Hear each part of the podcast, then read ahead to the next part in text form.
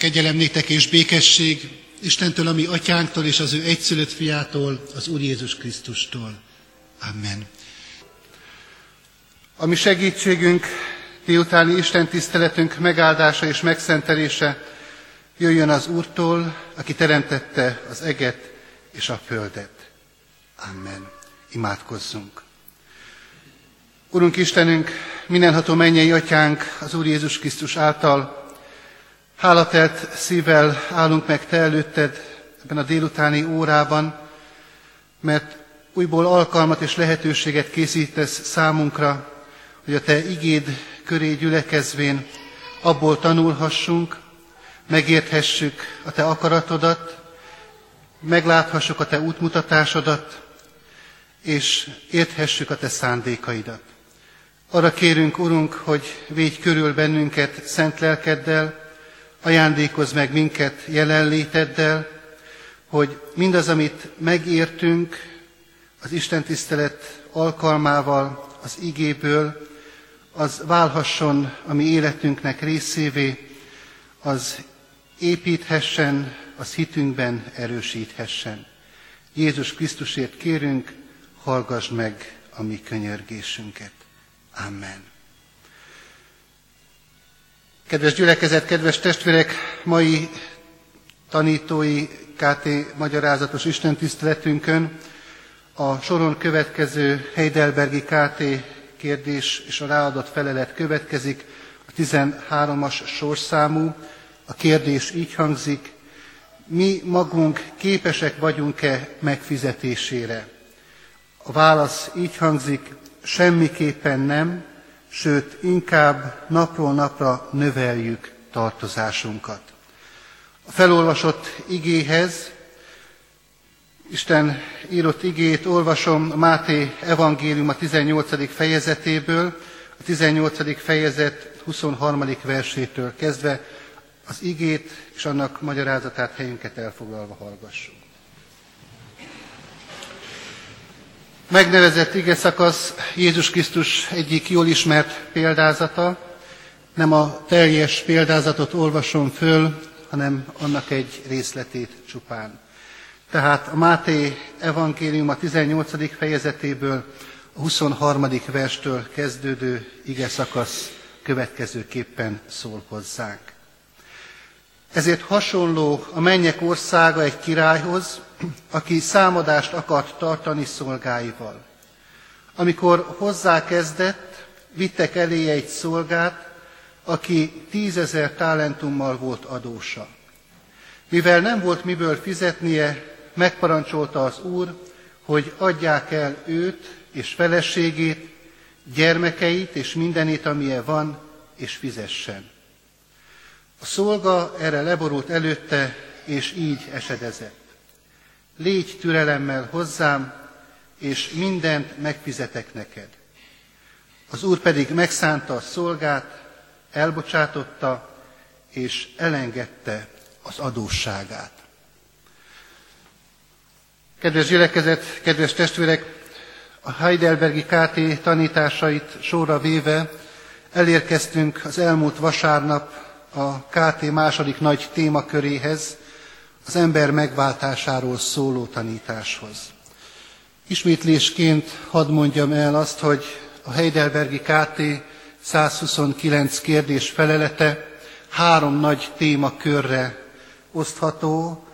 Az első rész szól az ember nyomorúságáról, a második nagy tartalmi egysége a Heidelbergi KT-nak az ember megváltásáról tanít minket, és a harmadik része, a záró gondolat sora hitvallási iratunknak pedig arról a háládatosságról tanít, amely az ember szívében önkéntelenül is ott van, hogyha valóban megtapasztalta és átélte azt, hogy Isten az ő atyai mentő szeretetéből fakadóan hogyan mentett ki minket a mi nyomorúságos állapotunkból, hogyan váltott meg minket hiába való életünkből, vagy az imént felolvasott példázat fogalmát használva, kifejezését használva, hogyan törölte el a mi tartozásunkat, a mi adósságunkat.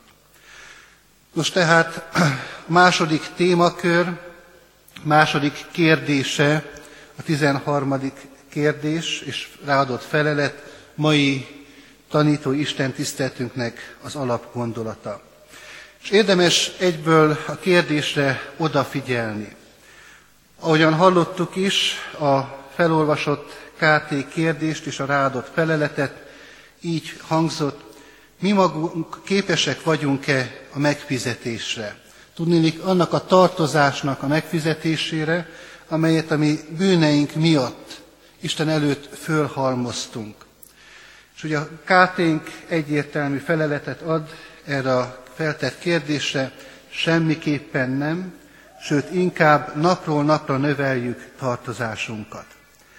Tehát már a kérdésben is egy jól ismert kifejezés van előttünk, az adósság fogalma, az adósság kifejezésével találkozunk. És a mai világunkban nagyon ismerősen hangzik ez a kifejezés, adósság, adósságrendezés.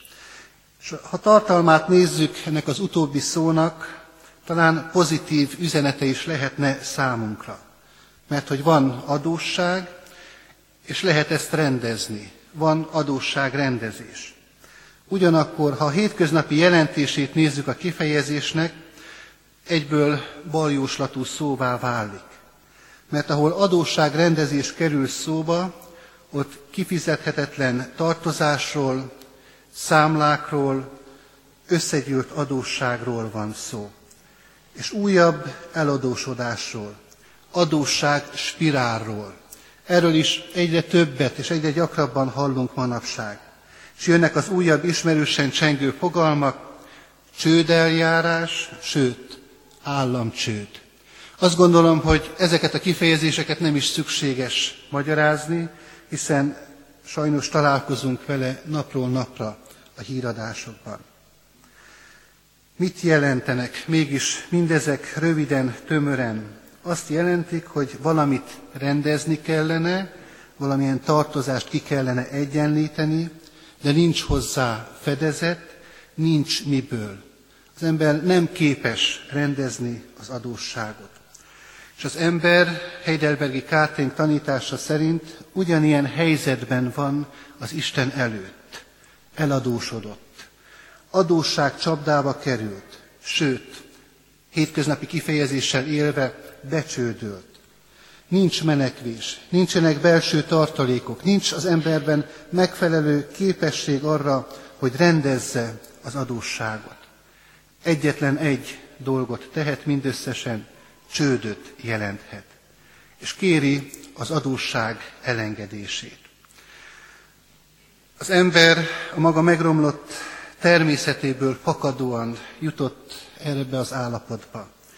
Hiszen Isten eredendően nem így alkotta, és nem ilyennek teremtette az embert.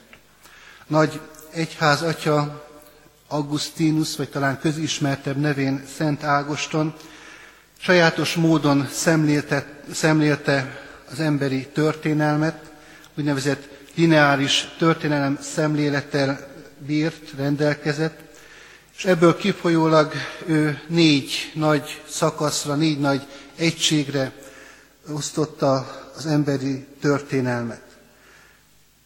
A teremtéstől az eredendő bűnig azt tanította Augustinus, hogy az ember képes védkezni.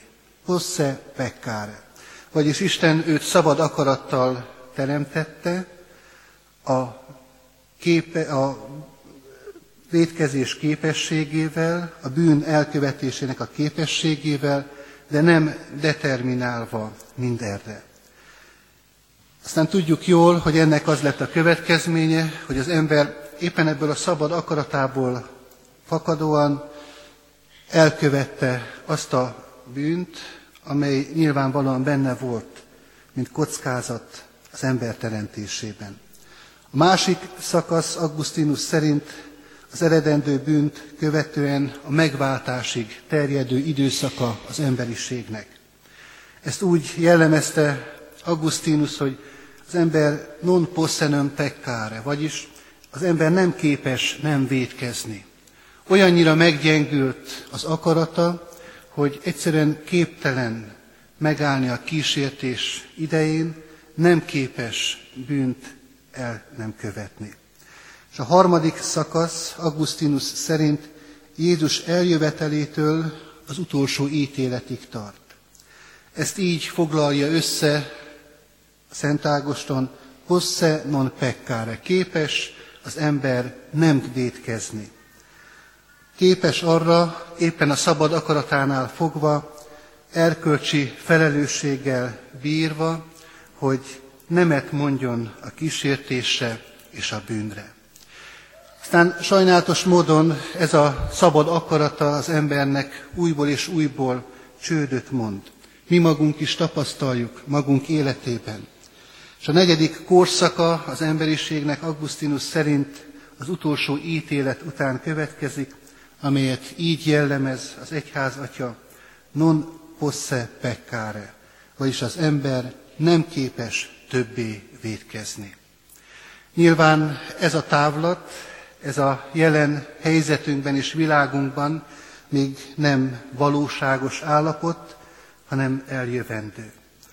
A mi időszakunkra az jellemző, hogy az ember maga felelősségéből, szabad akaratából fakadóan dönthet jó és rossz között. És ez a döntési lehetősége úgy valósulhat meg, és úgy nyer támogatást ebben a világban, hogyha valaki Jézus Krisztusban újjá született, új teremtményé lett, Isten gyermekeként van jelen ebben a világban, akkor erőt kap arra, hogy a kísértés pillanatában, a kísértés időszakában megerősítessék, és a kísértőnek nemet mondjon. Ilyen módon képes valóban nem védkezni, képes megállni hűséggel és hitben megmaradni. Azonban tudjuk jól azt, hogy az ember nagyon sokszor így is védkezik, eladósodik ennek következtében. De Isten mégis keresi ezt az eladósodott embert, keresi a maga szeretetével, mentő kegyelmével, nem azért, hogy megbüntesse, nem azért, hogy a fejére olvassa az elkövetett védkeit, hanem azért, hogy megmentse, és számára az adósság rendezésnek a legszentebb módját felkínálja.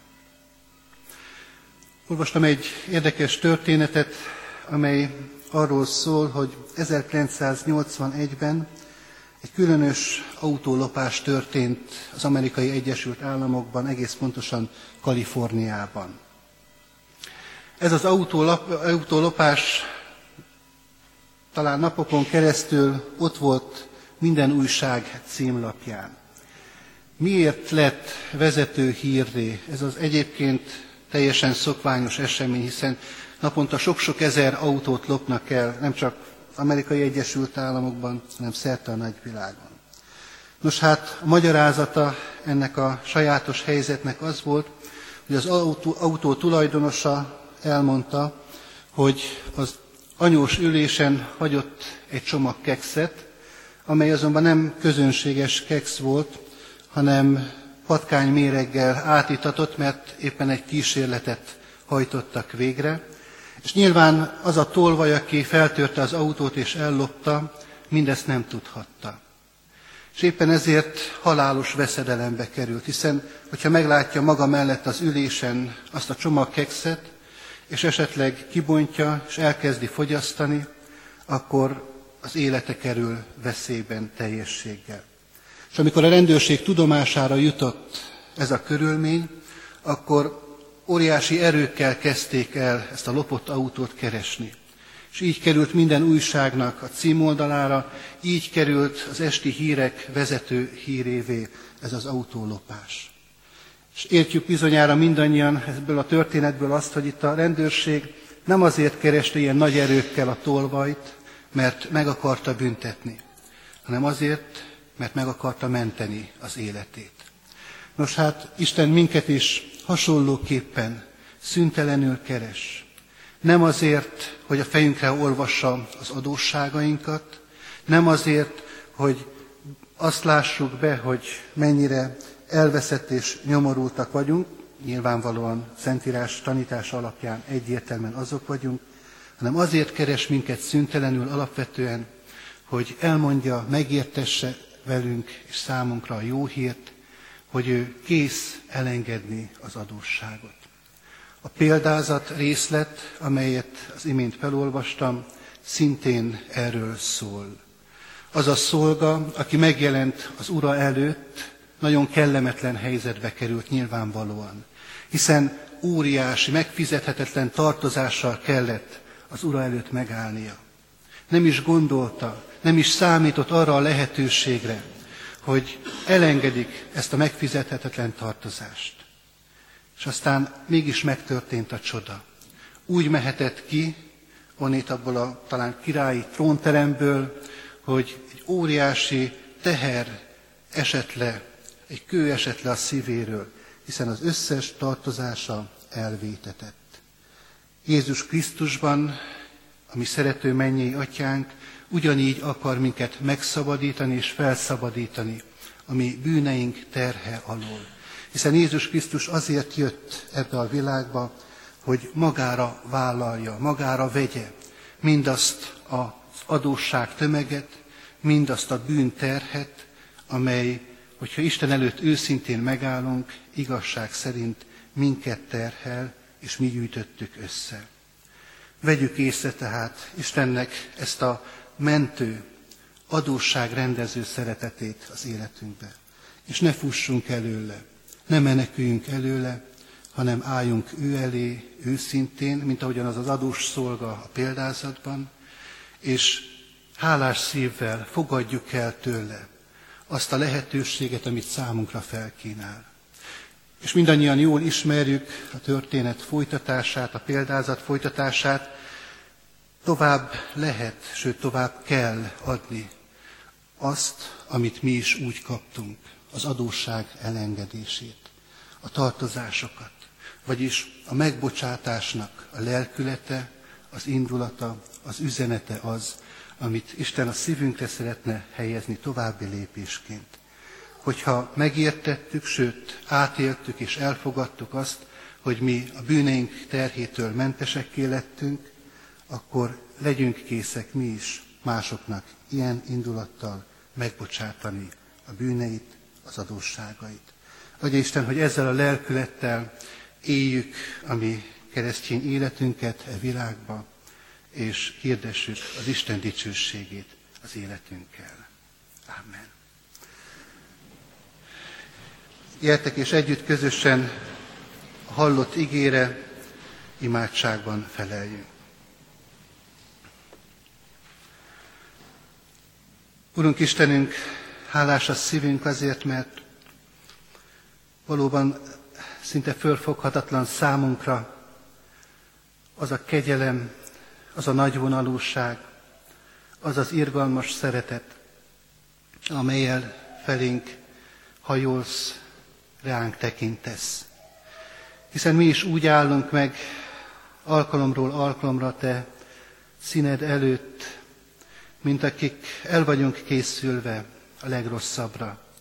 Hiszen érezzük a mi adósság terhünket, érezzük azt, hogy mennyire nem vagyunk képesek arra, hogy valamiképpen lefaragjuk azt a nagy tartozást, ami összegyűlt a mi életünkben, ami bűneink miatt. Lehet, hogy olykor-olykor sikerül megállnunk a kísértésben, és azt nyilvánvalóvá tenni, hogy mi a te gyermekeid vagyunk, de mégis összességében és alapvetően azt kell, hogy meglássuk, hogy mi rendezni nem tudjuk az előtted való tartozásunkat. De mégis tudhatjuk, sőt bizonyosságunk lehet afelől, hogy te elengeded a mi tartozásunkat. Urunk, kérünk, hogy ezt hadd tudjuk úgy megérteni, úgy, ami szívünkbe fogadni ezt a jó hírt, hogy ez valóban átformálja ne csak a mi gondolatainkat, hanem a mi legbensőbb indulatainkat is, hogy így állhassunk másik ember mellett, így lehessünk mi is jótevője, adósság elengedője a mi fele barátunknak. És hogy ha ezt igazán megértjük, hogy te mekkora jót tettél velünk, akkor valóban kibeszélhetetlen hála ébred a mi szívünkben. Urunk, ajándékozz meg minket az irántad való hálával, és az embertársaink felé gyakorolható könyörülettel. Kérünk Jézus Krisztusért, hallgass meg a mi könyörgésünket. Amen. Együtt közösen mondjuk el azt az imádságot, amelyet a mi megváltó Urunk Jézus Krisztus tanított minékünk. Mi atyánk, aki a mennyekben vagy, szenteltessék meg a te neved, jöjjön el a te országod, legyen meg a te akaratod, amint a mennyben, úgy a földön is. Minden napi kenyerünket add meg nekünk ma, és bocsásd meg védkeinket, miképpen mi is megbocsátunk az ellenünk védkezőknek. És ne vigy minket kísértésbe, de szabadíts meg a gonosztól, mert tiéd az ország, a hatalom és a dicsőség mind örökké. Amen. Vegyük Isten áldását. Az Istennek békessége, amely minden értelmet felülhalad, őrizze meg szíveteket, gondolataitokat az Úr Jézus Krisztusban. Amen. Mai tanítói Isten tiszteltünk zárásaként 223. dicséret minden versét énekeljük el, mind a hat énekversét. A 223. dicséret első verse így kezdődik, Istenem, én nagybűnös ember, szent színed elé járulok. thank